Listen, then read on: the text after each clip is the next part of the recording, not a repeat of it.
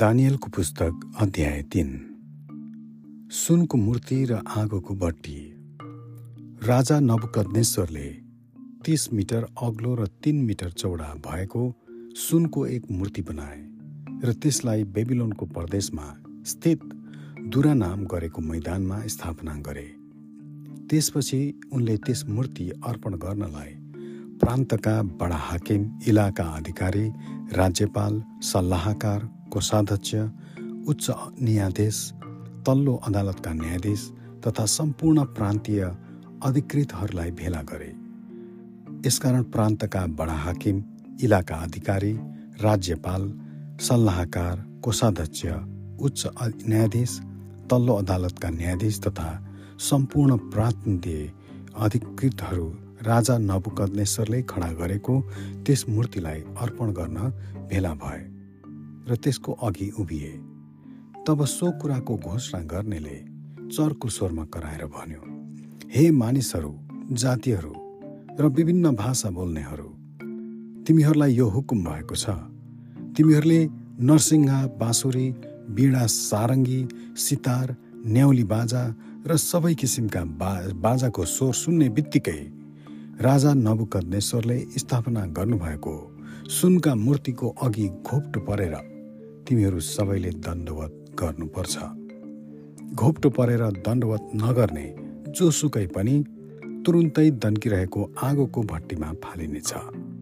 यसै कारण नरसिंह बाँसुरी बिडा सारङ्गी सितार न्याउली बाजा र सबै किसिमका बाजाहरूको स्वर सुन्ने बित्तिकै विभिन्न भाषा बोल्ने जाति जातिका मानिसहरू सबैले घोप्टो परेर नबुकदनेश्वर राजाले सप स्थापना गरेको सुनको मूर्तिलाई दण्डवत गरे।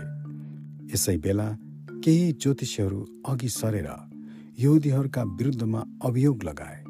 तिनीहरूले राजा नबुकदनेश्वरलाई भने महाराजा अमर रहन्। हजुरले हुकुम गर्नुभएको छ कि हरेक जसले नरसिंह बाँसुरी बिडा सारङ्गी सितार न्याउली बाजा र सबै किसिमका बाजाहरूको स्वर सुन्छ।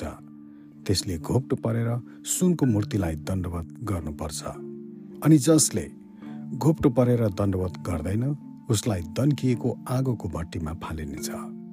तर केही यहुदीहरू छन् जसलाई हजुरले बेबिलोनको प्रान्तमाथि शासन गर्न नियुक्त गर्नुभयो। जसका नाउँ सद्रक मेसक र आवेदनको हुन्। हे महाराजा यिनीहरूले हजुरलाई टेर्दैनन्। यिनीहरू न त हजुरका देवताहरूलाई पुज्छन् न हजुरले स्थापना गर्नुभएको सुनको मूर्तिलाई दण्डवत गर्छन्।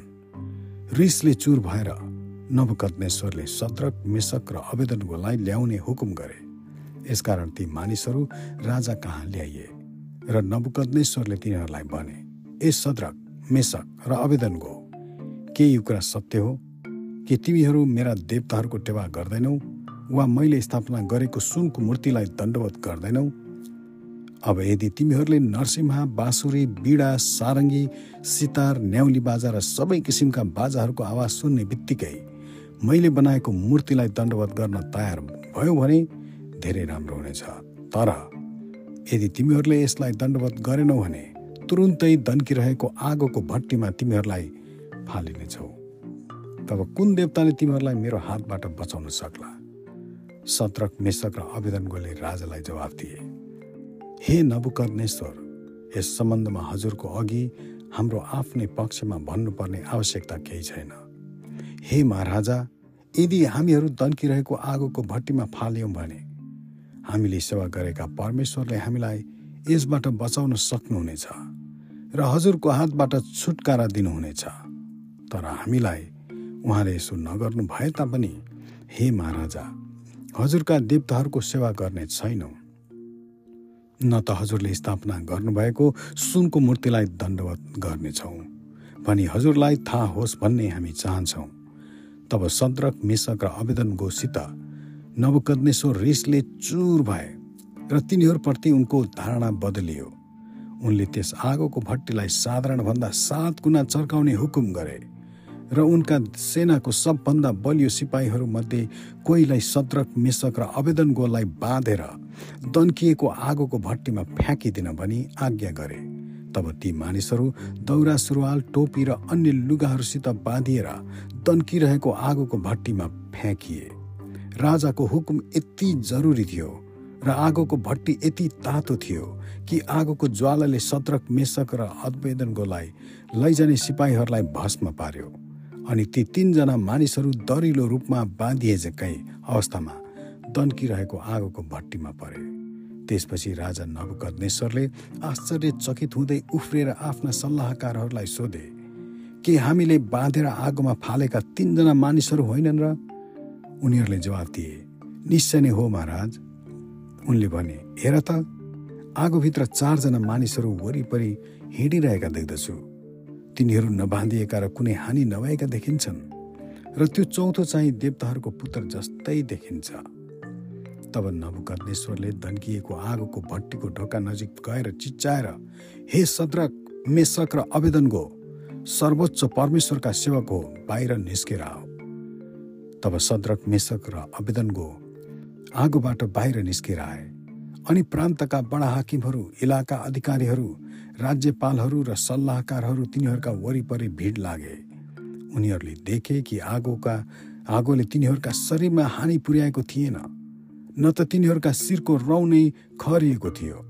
तिनीहरूका लुगालाई आगोले छोएको थिएन र तिनीहरूमा आगोको कुनै गन्ध समेत थिएन। त्यसपछि नबुकदनेश्वरले भने सद्रक मेसक र आवेदन गोका परमेश्वरलाई प्रशंसा होस्। जसले आफ्ना दूतलाई पठाउनु भएर आफ्ना सेवकहरूलाई छुटकारा दिनुभयो। तिनीहरूले उहाँमाथि विश्वास गरे र राजाको हुकुमलाई अस्वीकार गरी आफ्ना परमेश्वरलाई छोडेर कुनै देवतालाई सेवा गर्नु वा दण्डवत गर्नुभन्दा बरु आफ्ना जीवन दिए दिन तयार भए यसकारण म यो उर्ति दिँदैछु कि कुनै पनि जीवी जातिका वा कुनै पनि भाषा बोल्ने मानिसहरूले सत्रक मेसक र आवेदन गोका परमेश्वरको विरुद्धमा केही भन्छन् भने उनीहरू टुक्रा टुक्रा पारी काटिनेछन् र उनीहरूका घर उजाड पारिनेछन् किनकि यसरी कुनै पनि अर्को देवताले बचाउन सक्दैन। त्यसपछि राजाले सद्रक मेसक र आवेदन गोलाई बेबिलोनको प्रान्तमा पदोन्नति गरिदिए।